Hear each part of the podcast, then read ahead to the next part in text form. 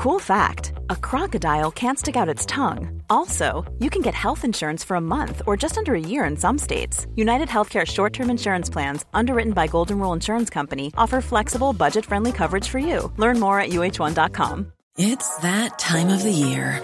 Your vacation is coming up. You can already hear the beach waves, feel the warm breeze, relax, and think about work. You really, really want it all to work out while you're away. Monday.com gives you and the team that peace of mind. When all work is on one platform and everyone's in sync, things just flow wherever you are. Tap the banner to go to Monday.com.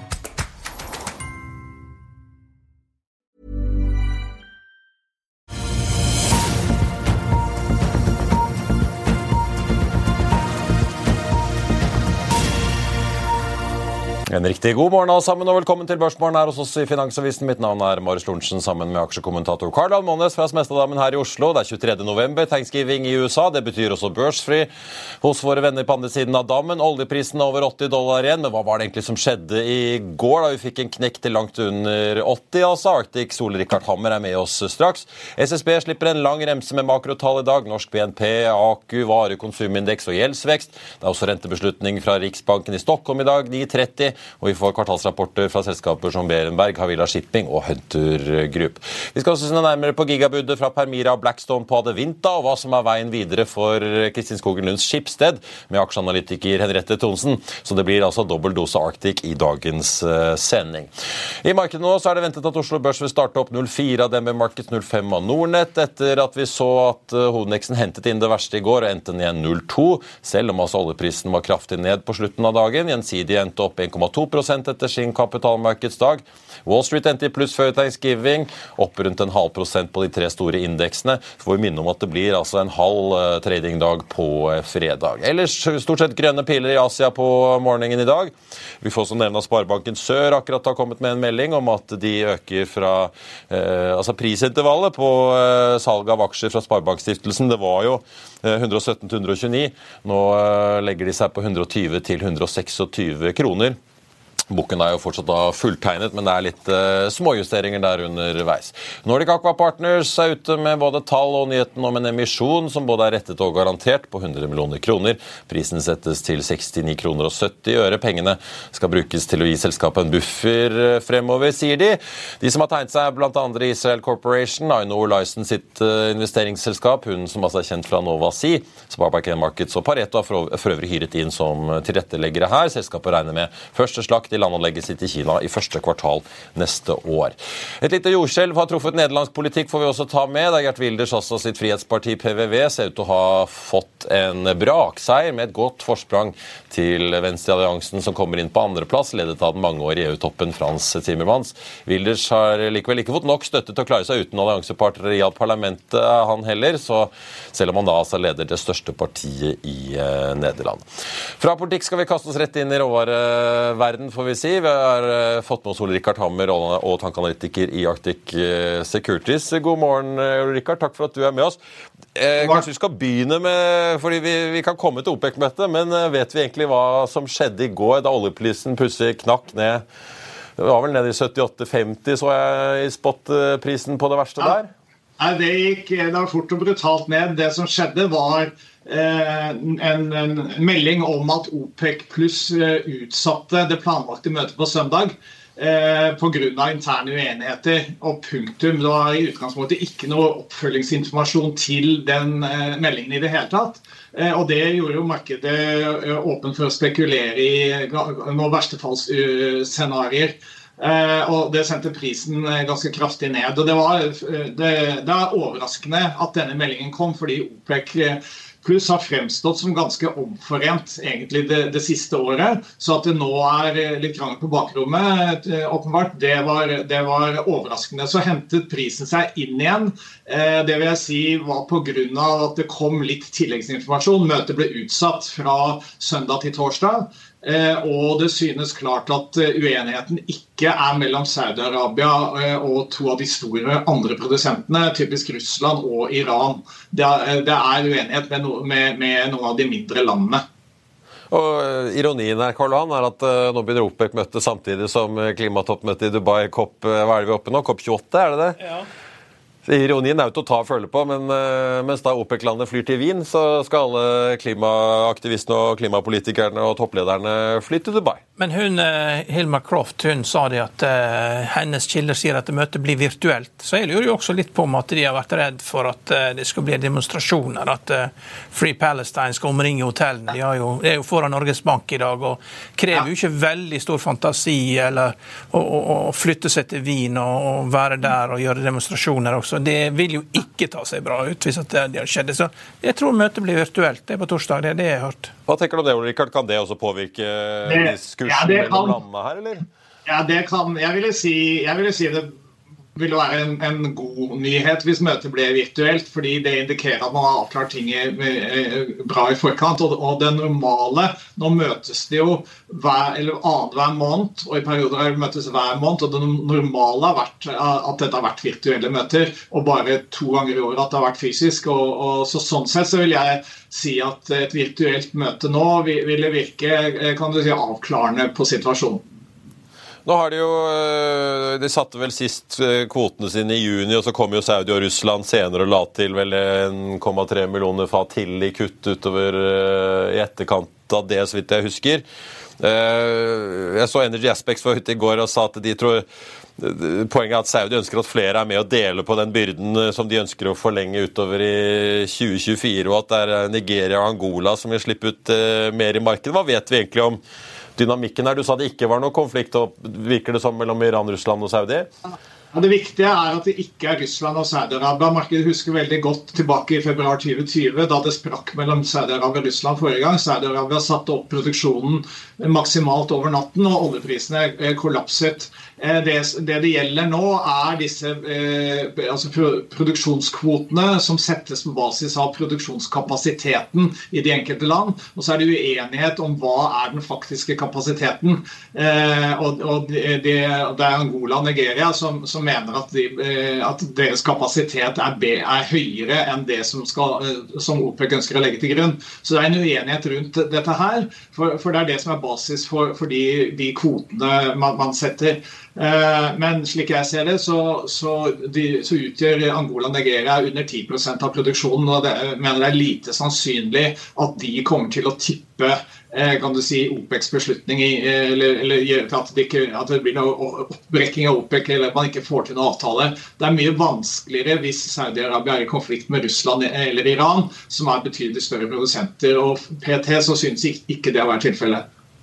Men det verserer jo en del regnestykker på Twitter da, som liksom stiller spørsmål om hva ville du ha gjort hvis du var Saudi-Arabia. For det er ganske stor vekst i oljeproduksjonen utenfor OPEC. Eh, Så spørsmålet er liksom skal Saudi-Arabia fortsette å kutte alene. De gjorde jo det i 1986, og, det gikk jo ikke så bra liksom fra på 80-tallet frem til 86. og Da fikk jo du et veldig kraftig oljeprisfall. De kutta vel med to millioner fat per, eh, fat, fat per dag hvert år, helt til de, fra ned til ti til omtrent satt igjen med fire, og til slutt så bare sa dette går jo ikke noe mer. og, og eh, Da falt jo oljeprisen fra 36 til 9 dollar fat i løpet av februar måned i 86. Så eh, de, de har jo en historie her. at de de, de, må jo passe på eh, ikke, bare, ikke, bare, markedsandeler, men også innen OPEC, men også resten av markedet. Ikke gi for sterke insentiver til at det skal bli lett å, å, ta, å gjøre det veldig lønnsomt å ekspandere i Guyana og i USA og ja, i Brasil. Og, ja. Det er helt riktig det, og Saudi-Arabia har definitivt lært av det som skjedde i 86. og De kommer ikke til å gå i den fellen igjen. og Det er derfor du får den diskusjonen nå. Fordi de mener at alle må bidra. og hvis, eh, og de landene, hvis de blir gratispassasjerer fordi de, en, en kunst, de, blir tillagt en kunstig høy eh, produksjonsnivå, så eh, ønsker Saudi-Arabia å gå imot det. Min oppfatning er jo at Saudi-Arabia har god kontroll på dette markedet. Det er lite kapasitetsoverheng, eh, og det er god vekst i etterspørselen. Eh, og jeg mener Det viktigste eh, i forkant av dette møtet nå på torsdag, det er at Saudi-Arabia ikke ikke fraviker sitt syn frem, som har vært frem til nå, at oljemarkedet er i god shape. Det er det papirmarkedet og spekulantene og de kortsiktige traderne som prøver å flytte prisen eh, i perioder hvor det er vakuum eh, fra signaler i det fysiske markedet. Det er ikke et reelt problem i oljemarkedet. og Saudi-Arabia må stå ved det standpunktet, og da, da, da mener jeg ting vil roe seg ned. Ja, for det, Da har ikke du dekning på enkelte oljeselskaper, Ole Rikard, men likevel hvis du følger sektoren, Vi så Equinor i går faller som 1,7% og vi, vi har sett tidligere ganske store svingninger på Oslo Børs, eh, og selvfølgelig også de globale selskapene, men her hjemme blir det jo fort eh, store utslag når ja. Aker BP Vår og Equinor går samme vei. Eh, men er det da, litt som du sier, er det egentlig litt en irrasjonell bevegelse, gitt at det fysiske markedet i bunnen eh, er, er, er en litt annen virkelighet enn det du ser i papirmarkedet? Jeg vil ikke kalle det irrasjonelt, men skal huske på at vi har hatt et, et betydelig oppgang både i prisen og ikke minst i aksjekursen på disse selskapene siden før sommeren. Eh, og at vi nå inn en, går inn i en korreksjonsperiode, det, det er ikke unaturlig. Eh, så, og det er det jeg ser det som. Jeg syns aksjene på bred basis har handlet eh, kan du si, mer rasjonelt enn kanskje papirmarkedet i olje, fordi aksjene har reagert mindre. Det gjelder spesielt de amerikanske IMP-aksjene, som var ned 0,2% eller noe i går. Eh, hva er det vi bør se? Jeg hadde jo snakket jo med sin bransjekollega Bjarne Schjelderup her eh, tidligere for noen dager siden, og han sa at vi bør se 500 000 til en million fat i kutt fra dette møtet, gitt at vi også går inn i starten av året hvor det ofte er litt lavere etterspørsel uansett. Hva mener du liksom overskriften ut av møtet neste uke bør være? Jeg har sagt at uh, man bør forvente uh, ikke nødvendigvis et ytterligere kutt, fordi det kan, gå, det kan, slå begge veier. Hvis OPEC tror på sine egne tall, så skal det ikke være nødvendig å kutte, fordi deres tall viser at det er et underskudd på oljemarkedet eh, nå. Hvis de da går ut og kutter allikevel, så kan markedet begynne å spekulere i hva er det dere egentlig mener. Og det er også politisk vanskelig i forhold til spesielt USA å komme med et kutt i en sånn situasjon. Så jeg mener jeg vil si det er 50-50 om de gjør noe kutt. Det viktige er at, at Saudi-Arabia eh, eh, at, det er en enhet i gruppen, og at de viderefører, eh, viderefører det kuttet som, som eh, de, de, altså det ekstraordinære kuttet. At det videreføres inn i Q1 på grunn, og Det kan de si at de gjør fordi det er usikkerhet eh, i, i markedet. Eh, og Gjør de det og står ved sin forklaring om at de fortsatt ser en sterk underliggende balanse, så, så mener jeg markedet vil hente seg inn igjen. Og vi kan regne med etterspørselsvekst eh, også neste år, da, hvis ikke vi får en plutselig stor resesjon? Ja, det, definitivt. Det blir lavere enn i år, men, men, det blir, eh, slik vi ser det, i en soft landing-scenario så, så, burde det bli, bli, eh, vekst i etterspørselen eh, på rundt trend, som er ca. 1,5 million fat per dag. Husk at eh, vi fortsatt har lavere priser år over år. Eh, det er god, full sysselsetting og vekst i økonomien, og det, det tilsier da normalt sett også vekst i oljeetterspørselen. Ole Rikard Hammer i Arctic Securities, tusen takk for at du var med oss og ga oss en oppdatering på et interessant oljemarked eh, om eh, dagen. Eh, før vi går til reklame, tenkte jeg bare å nevne disse, ta noen av disse SSB-tallene som har kommet i dag. BNP skulle jeg begynne med. Fastlands-Norge var altså opp 0,1 sesongjustert i tredje kvartal på kvartalsbasis, altså. Ser man bort fra næringene som var mye påvirket av været, så var BNP faktisk ned 0,1% ifølge SSB. Norsk økonomi er nå inne i en konjunkturfase der svak etterspørsel bremser veksten. Det sier seksjonssjef Pål Sletten i SSB. Og så har vi nordmenns gjeld. da, Den øker fortsatt, men veksten faller. Tolvmånedersveksten i publikumsgjeld falt ned til 3,7% i oktober, etter å ha ligget over 4% de siste månedene. Det melder altså SSB. Til slutt ledigheten. AKU-tallene har økt svakt gjennom året, og vi endte med en ledighet på 3,6 i oktober. Det er nå det samme som september, for de har blitt opprevidert med 0,1. SSB peker for øvrig på at Samtidig som ledigheten har økt litt gjennom året, så har også antallet jobber økt. I oktober så vi også det, etter en nedgang de to siste månedene på rad da.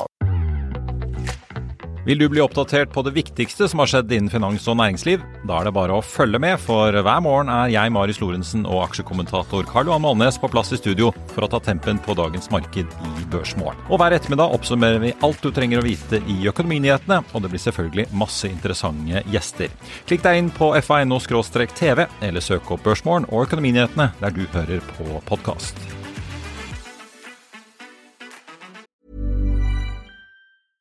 Hiring for your small business? If you're not looking for professionals on LinkedIn, you're looking in the wrong place. That's like looking for your car keys in a fish tank. LinkedIn helps you hire professionals you can't find anywhere else, even those who aren't actively searching for a new job but might be open to the perfect role. In a given month, over 70% of LinkedIn users don't even visit other leading job sites. So start looking in the right place. With LinkedIn, you can hire professionals like a professional. Post your free job on linkedin.com slash people today. I'll see you in court. Vi sier det ofte litt på spøk, men for deg som driver business, er det aldri moro å innse at du ikke har laget en 100% gyldig kontrakt. Du bør ikke risikere hele firmaet ditt fordi du synes dette med kontrakter er litt stress. En avtale er ikke en avtale. Du kan miste kunder, miste venner, ja, til og med miste inntekter om du ikke lager en skikkelig kontrakt, på alt mulig, egentlig. Men vi vet det er et styr. Kopimaskiner, treg printer og haugevis av papir. Dessuten stoler vi jo på folk her i landet. Det er ofte litt kleint å skulle be om en signatur for alt mulig, ja, for mye av styret handler også om jakten på underskriften. Det finnes en enkel måte å løse dette på, Dukkobit, en trygg, effektiv og get this, gratis måte å sikre seg en god natts søvn pluss en juridisk bindende avtale. Dukkobit-appen har de strengeste sikkerhetskrav i bunn, samt en EU-godkjent og sertifisert teknologi. Framover vil det bli behagelig å spørre du, skal vi skrive under på det, eller? Kom i gang på dukkobit.no.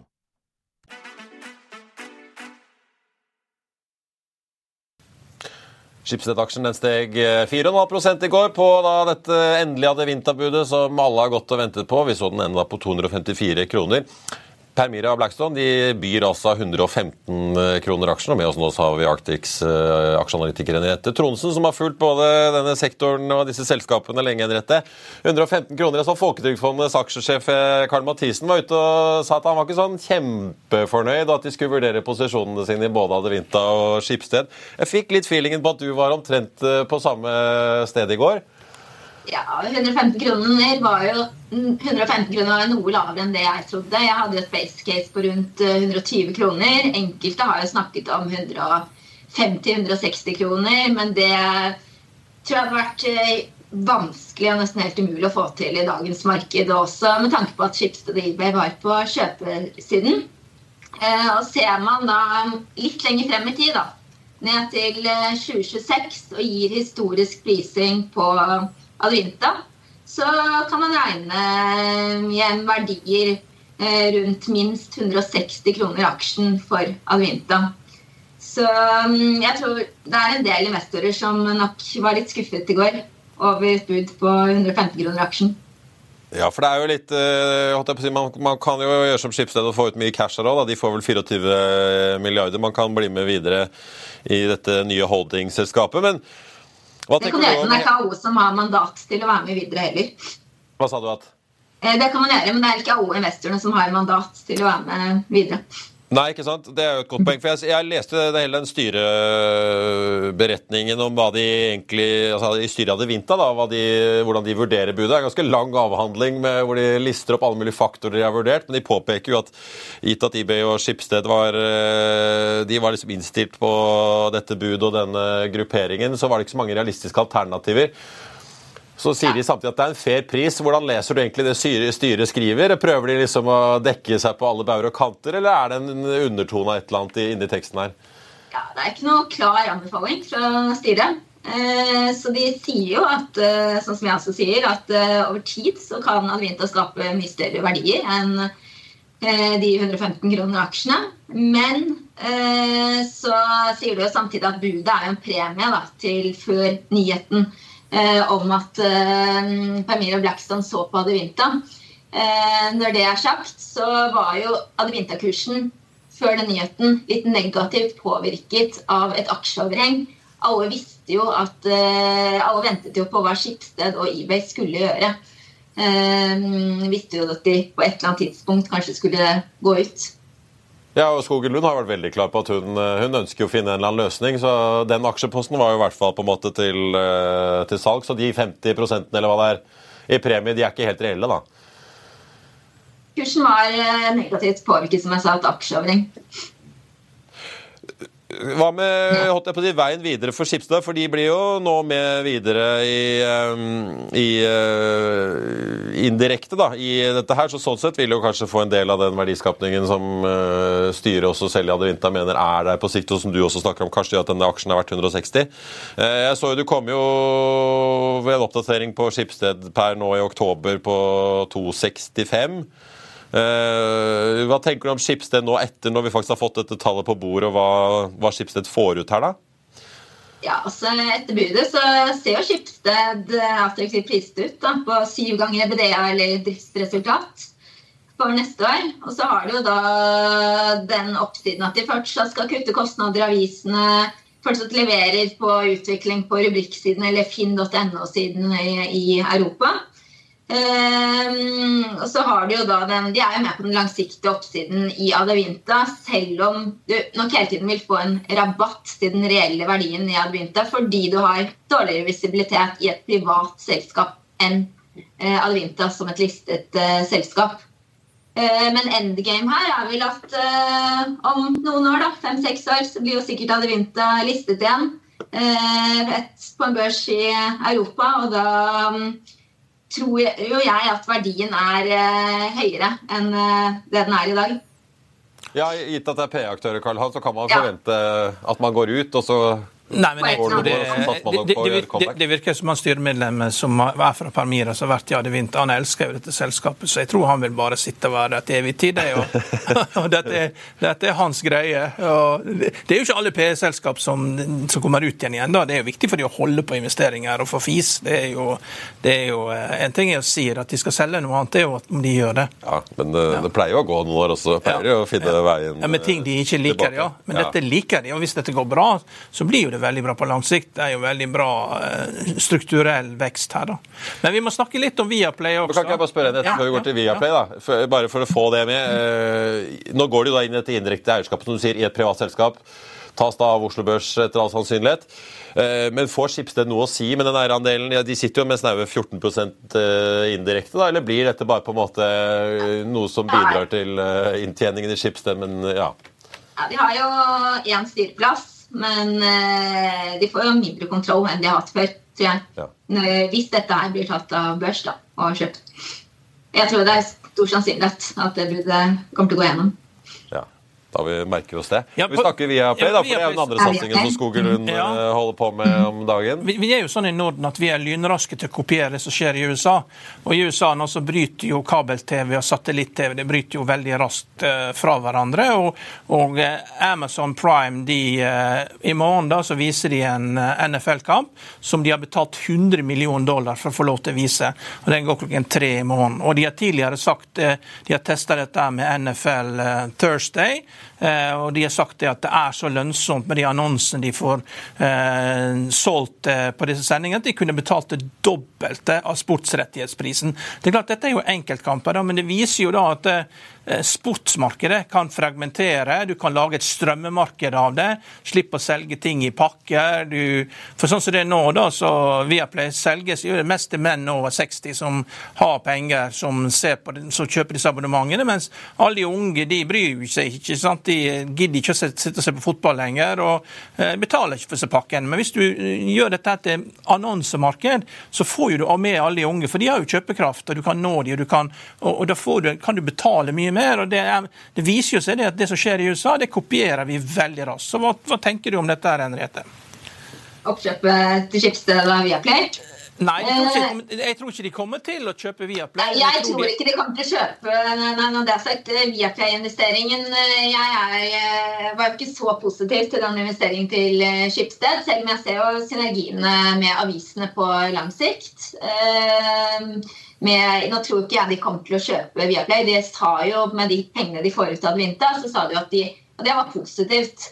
Eh, at de skulle betale ut dette mesteparten til aksjonærene. Betale ned gjeld. Mange har vært bekymret for at de skal kjøpe seg videre opp i Viaplay. Jeg har ikke helt trodd det i og med at hvis man ser på hva som har skjedd i Viaplay det siste, da, så kommer jo PPF. De kom jo med en 6, kjøpte 6% av Viaplay nå i august. Uh, Vivendis kanal, uh, kanal Pluss de kjøpte jo 12 eierandel i Viaplay nå det var i juli. Uh, så jeg tror de er mer interessert i ja, et samarbeid eller deler av virksomheten. Viaplay er jo i en finansielt krevende Helt klart. Posisjon med enorme forpliktelser på rettighetssiden også, som man skal uh, huske. Uh, så um, uh, mange som meg har vært litt bekymret på at de ja, skal gjøre store investeringer. Men det virker jo ikke slik. Men de får jo ikke men de får, ja, de får. Ja, for Vi får jo 24 milliarder kroner i kontanter Skipsted nå på um, Padevinta. Litt som du sier, gitt at dette går gjennom, og det tror vi jo. Market Markedcapet på Viaplay nå er jo under 2 milliarder svenske kroner. så Hvis du carver ut alt det europeiske og bare tar det nordiske, så er det jo enda mindre. så det, jo, det blir jo vekslepenger for Skogenlund dette her, hvis de liksom ville by på den nordiske delen. da. Ja, så nå har du jo, eh, som jeg nevnte, da, Kanal eh, Pluss eller. Du har jo andre industrielle aktører som Schibsted som også har kjøpt seg inn i Viaplay i det siste. da. Så man skal huske det er ikke bare Schibsted. Men jeg tror ikke når, Etter det hun sa eh, etter nyheten på Alvinta ble kjent, så virket det jo ikke som at var den veien Schibsted foreløpig kom til å gå. Men, eh, men ja, hvorfor de kjøpte 10 av Viap Det er en stor investering. Så, eller, ja, men det, man, man, må kjøpe, man, må kjøpe, seg en plass ved bordet. ikke sant? Hele Viaplay har helt klart store problemer. og de, I USA så lanserte de skulle lansere Krim med 1500 timer. Det har ikke gått bra. Så tar du vekk det. Så har du I Nederland så holder de på med Formel 1, med Forstappen. Det kan Kanal Pluss ta. Eh, men hvis du stripper dette her ned, da, slik at eh, alt blir strømming. og Den tsjekkiske investoren som har gått inn med 6 for ishockeyrettighetene eh, for Det virker jo som at det, at det ikke er penger nok til å betale for de forpliktelsene de har tatt på seg, men da er det veldig viktig å være først og nærmeste bordet. For jeg er helt sikker på at det går an å tjene mye penger på strømmerettighetene for Norge og Sverige, for Skipsted, og, å videreføre det. og da må du være nær, nær bordet for å, få, for å, få, lov til å være den første som er med på, å, på den restruktureringen. For det, det regnestykket går ikke opp. Det ser ut som at de er i ferd med å gå i veggen, men da må, du, da må du sitte ved bordet. Hvis ikke du sitter ved bordet, så kommer du aldri til dette her. Og nå skal jo Schibsted bruke pengene på Kan ikke sitte der bare og, og leke liten butikk når du har hatt så stor butikk. De må jo tenke ekspansivt, og her er det muligheter. Jeg håper, ja, jeg håper at de bruker eh, betaler ut mesteparten av det de fikk fra Advinta til aksjonærene gjennom utbytte eller ja, tilbakekjøp av aksjer, eh, nedbetaler gjeld. Sikkert en kombinasjon. Um. Ja, bare, bare veldig til slutt, Henriette, litt spekulativt. da. En ting er jo Viaplay, men uh, Schibsted har jo har hatt mange jern i ilden på venturefronten. De har jo vært innenfor fintech eller finansielle tjenester med Lendo. Er det andre ting som Skogen Lund kan eh, bruke en del av disse pengene, selv om kanskje 20 pluss går ut i utbytter? At det er en milliard eller to i, i spillet her som kan gå til et eller annet annet, om det ikke er Viaplay eller noe? kan jo alltid gjøre investeringer, men hvis du ser på hva de kan gjøre da, på eh, classifieds eller rubrikksider i Norden, så har de såpass sterke posisjoner at der får de nok ikke lov til å gjøre ytterligere oppkjøp. De prøvde jo på Hemnet som er en i Sverige, for noen år siden. Jeg fikk nei fra Konkurransetilsynet på den. Eh, og det er jo den største verdien fra Schibsted er jo da de Rubik-sidene. Eh, Og de vil jo ikke gå mot Adevinta i Europa heller eh, på rubrikkannonsering. På aviser så er det jo avissiden så er det jo det mm, enkelte kan gjøre. Det er jo i dag en mindre verdi sånn relativt sett av Schibsted, aksjemarkedet legger på Schibsted. Stiftelsen stiftelsen jo, eh, har et mandat at de er jo mest opptatt av avisene. Du skal sikre da fritt ord, som du sa. Eh, men her er jo noe de kan gjøre. Ventureinvesteringer. De kan jo gjøre ytterligere investeringer, men de har, har jo fått Det er ikke alle investeringene som har vært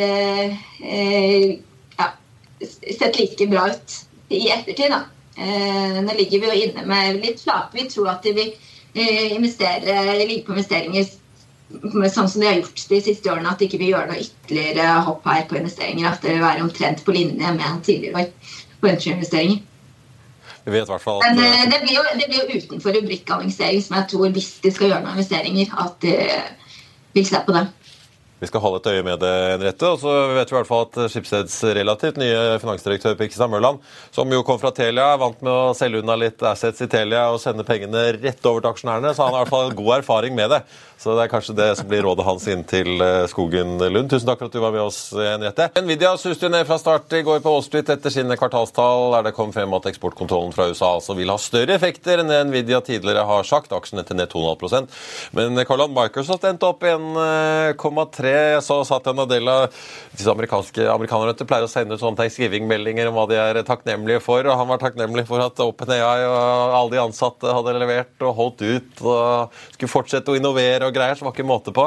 Ja, det er tradisjonen. Du setter inn thanksgiving-middag, som alle sier hva de er takknemlige for ja, ja, ja. i løpet av året. Det er, det er, også på skolen må du si hva du er takknemlig for. så det Sånn er det. Det er, ikke, det, det er, ikke, så vanlig her i Norge. Men det kommer jo stadig ut eh, nye detaljer, og ganske fascinerende ja. detaljer fra alt som har skjedd og fortsetter å skje i åpenheten. Nå skal det jo være litt sånn interne undersøkelser eh, om hvordan arbeidsforholdet har vært, virker det som.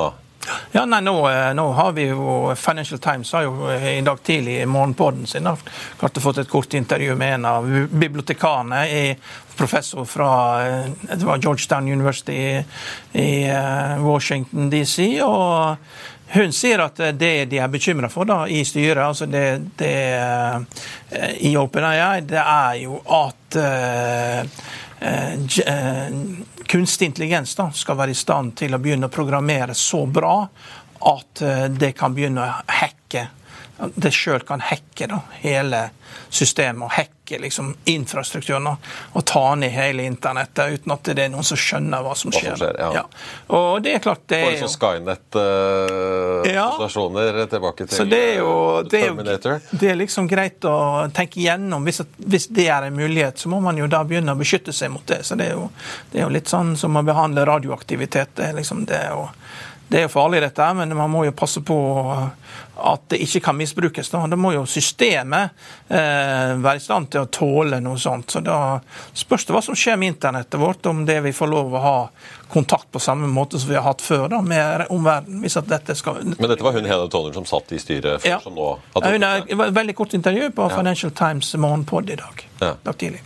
Nei, jo, øh, jeg så et klipp fra 2016, tror jeg, da Elon Musk snakket ja. med, med, Sam Altman, som nå er tilbake som sjef da i OpenAI. hvor Elon Musk ganske oppe på at han, det han var redd for hvis, dette, altså hvis AI havnet i hendene på noen få selskaper eller organisasjoner, så kunne det bli stjålet og komme i gale hender. Så det er jo åpenbart noe en del av disse Silicon Valley-folkene har tenkt på en stund. da. Ja, Elon Musk gjør jo også det poeng at han, eh, når han fikk lov til å få audiens hos Barack Obama, så hadde han fått lov til å ta opp ett tema, så hadde han tatt opp at eh, kunstig intelligens måtte reguleres. Han hadde ikke snakket om verken Tesla, Starlink eller noe annet han holder på med. Men det var det han hadde prioritert. da. Ja. Så eh, det, det, er nok eh, tanker som har vært der hele tiden. Og hvis det da viser seg at det nå den godeste Sam Altman begynner å komme nær og utvikle dette, her, så går jo alarmen, da. Foreløpig i hvert fall virker det som ja. de fleste blir i OpenAI samme holdt jeg på å si, team, team Microsoft med Satya Nadella. Men Salesforce er på. Vår egen holdt jeg på å si, Girish Rishi, sjefen i Akers uh, software-selskap Cognite, har vært ute på LinkedIn og tilbudt folk jobb i Cognite. Hvis de, Cognite har kontor i USA hvis de har lyst til å komme og jobbe der. Så mange er ute og prøver å snappe, snappe kloke det, datahoder om dagen. Det er klart det, og, og det er ingenting som og På tegnskriving har jo folk fri, ikke sant. Så det, jeg har vært på jobbintervju. Det har blitt sagt opp dagen før tegnskriving i USA og fått eh, tre jobbtilbud på telefonsvareren og gjort intervjuer på thanksgiving-dagen. Så det, de, de, vet jo det at når folk slutter, så er ikke det sånn Raymond Johansen at du må vente tre måneder. Det er, da, du får telefon med en gang, og du har masse jobbtilbud, fordi at folk skjønner det at eh, ting må skje raskt. Og Det går jo også på, på systemet. Hele systemet er opplagt på at du skal komme raskt i jobb igjen. For med en gang du slutter, så har du bare én måned med helseforsikring eh, før du liksom må begynne å betale sjøl et system. Så hele systemet er opplagt til at folk skal komme raskt tilbake igjen til jobb. da. Så det Får vi se. Ja. Så det, jeg tror nok det kommer til å bli veldig stor aktivitet eh, nå i helgen. Og, og OpenAI har jo, alle, de har jo fri også i tillegg, da. Så de, de trenger jo ikke være på jobb. Så det, ja, de ansatte fikk en uke fri etter alt som har vært i høst. Ja. Så det blir jo minimum eh, lønnsøkning og flere opsjoner. og Det, det, det blir ikke billigere, dette her. De ansatte kommer til å komme bedre ut. Var det en ingeniør, ingeniør, i snitt tjente 800 000 dollar i år, eller noe sånt? Ja, pluss opsjoner. Pluss opsjoner, ja. Så det, holdt jeg på å si, det er jo en eh, konsernsjef i et norsk statsdominert selskap verdig, det der? Ja, ja. ja. Men uh, det spørs hvem som tilfører mest verdi, da. Ja, det ja. Pass på hvem du tråkker på tærne. Da har du rukket å tråkke PE-bransjen på tærne allerede denne uken. Ja, det er lett. Det er lett. Du vet at det er kapitalintensivt. vet du. Det er kapitalen som gjør jobben der. vet du. Det må styres godt, da. Ja. Softwareingeniør, det er litt annerledes. Det må gjøre jobben sjøl. Veldig bra. Vi er, så, eh, vi er her i morgen òg, for det er jo eh, Black Friday. Vi skal få besøk av eh, Kid-sjefen Anders Fjell. Ja, det blir bra å høre litt ja. hvordan stemningen er i varehandelen om dagen. Putte TV. Det er jo Peter Hermanruds favoritt-retail-aksje. Ja, Peter Hermanrud, ja. Flink, varmt altså. opp på investordagen. Flink, God presentasjon på investordagen, og veldig god på aksjepodden også. Så det må høre på Petter. altså. Han har du vet, det er veldig mange som er flinke, men så det å, bruke det og så kunne klare å fortelle om det du gjør, det er ikke så mange som er gode til. Men det er veldig interessant. Veldig godt foredrag på Investordagen som ligger på vår feed, og også på Aksjepodden, den andre feeden som ligger der. Petter Jensen investeringer er det vel verdt å høre på. Vi får uh, ta det derfra. Uh, på tappen av uh, sendingen tenkte jeg bare å nevne at Arctic tar opp dekning med en holdanbefaling på Autostore. Kursen var 18 kroner, endte i går på 17. Så har vi da Gjensidige, der vi hadde jo kapitalmarkedsdagen i går. Hørte fra sjefen der i Økonominyhetene i går. Aksjen steg jo greit i går. Fortsetter oppover i dag til nesten 180. 179,70 ligger vi på nå, oppe 0,11% Nordea oppjusterer kursmålet der fra 192 til 220. Aksjen endte i går da på 179,50. DNB justerer opp fra, med en femkroning til 190. HSBC tar en femkroning de og da opp til 175, som vi hørte i går. Så lovnadene er jo da økt lønnsomhet, kapitaldisiplin og vekst utenfor Norge. Så en krevende balansegang for gjensidigledelsen der, altså, i en verden hvor de, hvor de, og andre forventer mer utbetalinger og større skade fremover av mer ekstremvær. Kongsberg Automotive er tildelt en kontrakt for levering av clutch-servoer til kommersielle kjøretøy til en verdi av 32 millioner euro. Kontrakten starter i 2025 og har en varighet på syv år. Og så har vi Kyoto Group også, som har mottatt en Heat Cube-ordre med verdi på 6,5 millioner euro for levering av industriell prosessvarme som balanseringsressurs på strømnettet. Den signerte avtalen med Cal Ingredients bygger på tidligere kunngjort intensjonsavtaler. Hovedeksten på Oslo Børs opp 0,8% fra start. Kanskje vi får se 1300 poeng igjen i dag. Nå ligger vi på 12,97. Skipsted klatrer litt oppover til i dag dag. A-aksjen opp 0,3, B-aksjen opp 1,8% Adevinta klatrer litt opp, de òg. 0,2 til 111,40 etter gårsdagens oppgang. Så får vi da minne om at kursen, eh, budet, ligger på 115 kroner aksjen. Oljeprisen har eh, mistet litt høyde, men vi ligger da Fortsatt over 80 på 81 dollar blank nå i spot-markedet. Amerikanske lettoljen på 76,42 etter at vi i går altså så et kraftig fall ned til 78-tallet på nyheten om at OPEC-møtet altså er utsatt noen dager fra søndag og frem da til torsdag og oppstart samtidig som klimatoppmøtet i Dubai.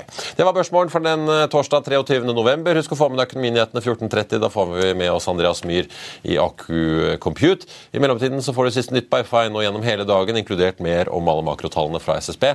Vi ønsker deg en riktig god torsdag videre. Takk for.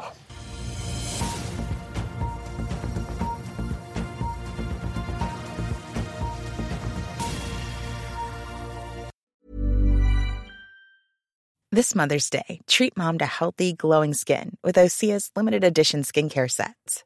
Osea has been making clean, seaweed infused products for nearly 30 years.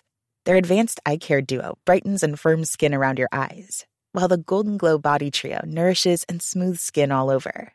Go to OSEAMalibu.com and use code MOM for 10% off your first order site wide.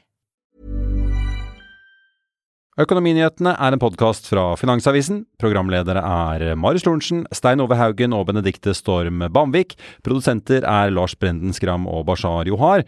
Og ansvarlig redaktør er Trygve Hegnar.